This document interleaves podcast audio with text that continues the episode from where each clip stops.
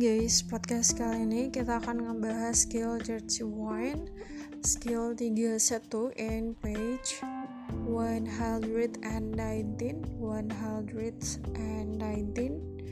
Page 119 Di halaman 119 sambil dengerin podcast saya Sambil ngelihat modul tuvalnya di halaman 119 Halaman 119 untuk skill churchy wine, churchy wine. After B, use the present participle or the past participle. Jadi setelah setelah anggota B, teman-teman uh, harus diikuti oleh present participle atau verb ing dan uh, diikuti oleh dan uh, diikuti oleh past participle atau verb 3 jadi ini opsi ya. Jadi B itu bisa ketemu sama verb ing atau verb 3 nah sebelumnya kita harus mengetahui dulu bentuk dari anggota B. Bentuk dari verb berupa be adapun bentuk-bentuknya adalah is, are, was, were, be, been, sama being Once more sekali lagi anggota B punya bentuk-bentuk yaitu is, are, was, were, be, been, sama being. Nah, itu adalah bentuk-bentuk dari anggota B-nya. Is, are, was, were, be, been, sama being. Nah, uh, setelah mengetahui anggota B-nya, nah anggota B-nya ini is, am, be, been, sama being, nantinya bisa bertemu verb ing teman-teman atau bisa bertemu verb 3. Makanya di following chart outlines di dalam table teman-teman bisa lihat ada pola di mana anggota B plus di nomor satu ada present participle maksudnya verb ing. Ketika ada anggota be bertemu sama verb ing, nanti makna verbnya adalah aktif. Makna dari kata kerjanya adalah aktif. Sedangkan ketika ada pola di mana anggota be plus past participle atau verb 3 di mana anggota be ketemu sama verb 3 maka makna dari verbnya adalah pasif makna dari si verbnya adalah pasif Nah, teman-teman kita lihat di exercise 31, exercise 31 kita sesuaikan aja. Uh, di nomor 1 and number 1 the answer is incorrect. Perhatikan di nomor 1 jawabannya tuh salah. Nah, subjeknya di sini adalah Sam. Sam. Kemudian ada anggota B berupa is bertemu sama it it di sini adalah verb 1 teman-teman. Nah it inilah yang kita ganti antara menggunakan verb ing atau verb 3 jadi pilihannya atau opsinya ada dua. Pakai verb ing atau verb 3 yang mana miss?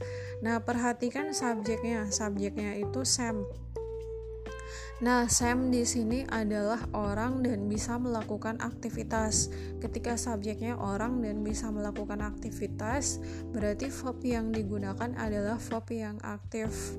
Verb yang aktif polanya adalah be plus verb ing. Jadi harusnya di sini Sam is eating his lunch. Sam sedang makan makan siangnya kayak gitu. Jadi dia nggak boleh ketemu verb 3 kenapa? Miss karena maknanya nggak sesuai. Sam is eaten his lunch seandainya jika kita menambahkan mengganti it menjadi eaten menjadi verb 3 nanti Sam dimakan makan siangnya. Tentunya maknanya doesn't make any sense. Maknanya tuh nggak logis. Karena nggak logis kita nggak boleh mempertemukan be sama verb 3 karena di sini butuhnya kalimat yang aktif bukan kalimat yang pasif.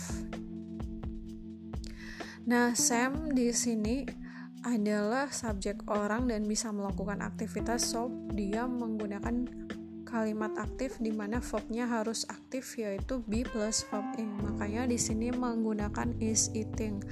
Is eating his lunch.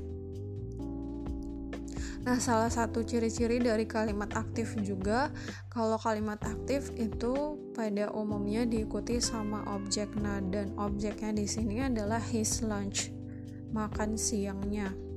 So next number number two, the answer is correct. Jawabannya tuh benar.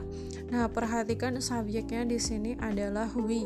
We ini adalah subjek orang dan melakukan aktivitas. So dia harus menggunakan kalimat yang aktif atau verb yang aktif. So kita pilih be plus verb ing. Makanya are meeting di sini udah benar dan objeknya adalah them. Jadi there is no problem. The answer is correct. Nah, saya ngasih contoh yang nomor tiga lagi, satu lagi, number three. Nah, the message, pesan, pesan ini adalah kata benda. Pesan itu nggak nggak bisa melakukan aktivitas. Jadi di sini butuhnya bukan verb yang aktif, tapi verb yang pasif, di mana be plus verb 3. Nah, was di sini bertemu sama tuk. Tuk itu verb 2, teman-teman. Jadi, kalau verb 2 tidak boleh disandingkan sama anggota be karena tidak ada grammarnya kayak gitu.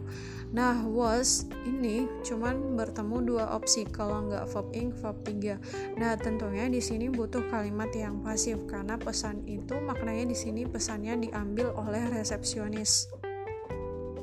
Nah, diambil di sini menggunakan verb 3 tuknya ganti sama taken. Kenapa was taken ini maknanya diambil. Pesannya diambil, nggak mungkin pesan mengambil.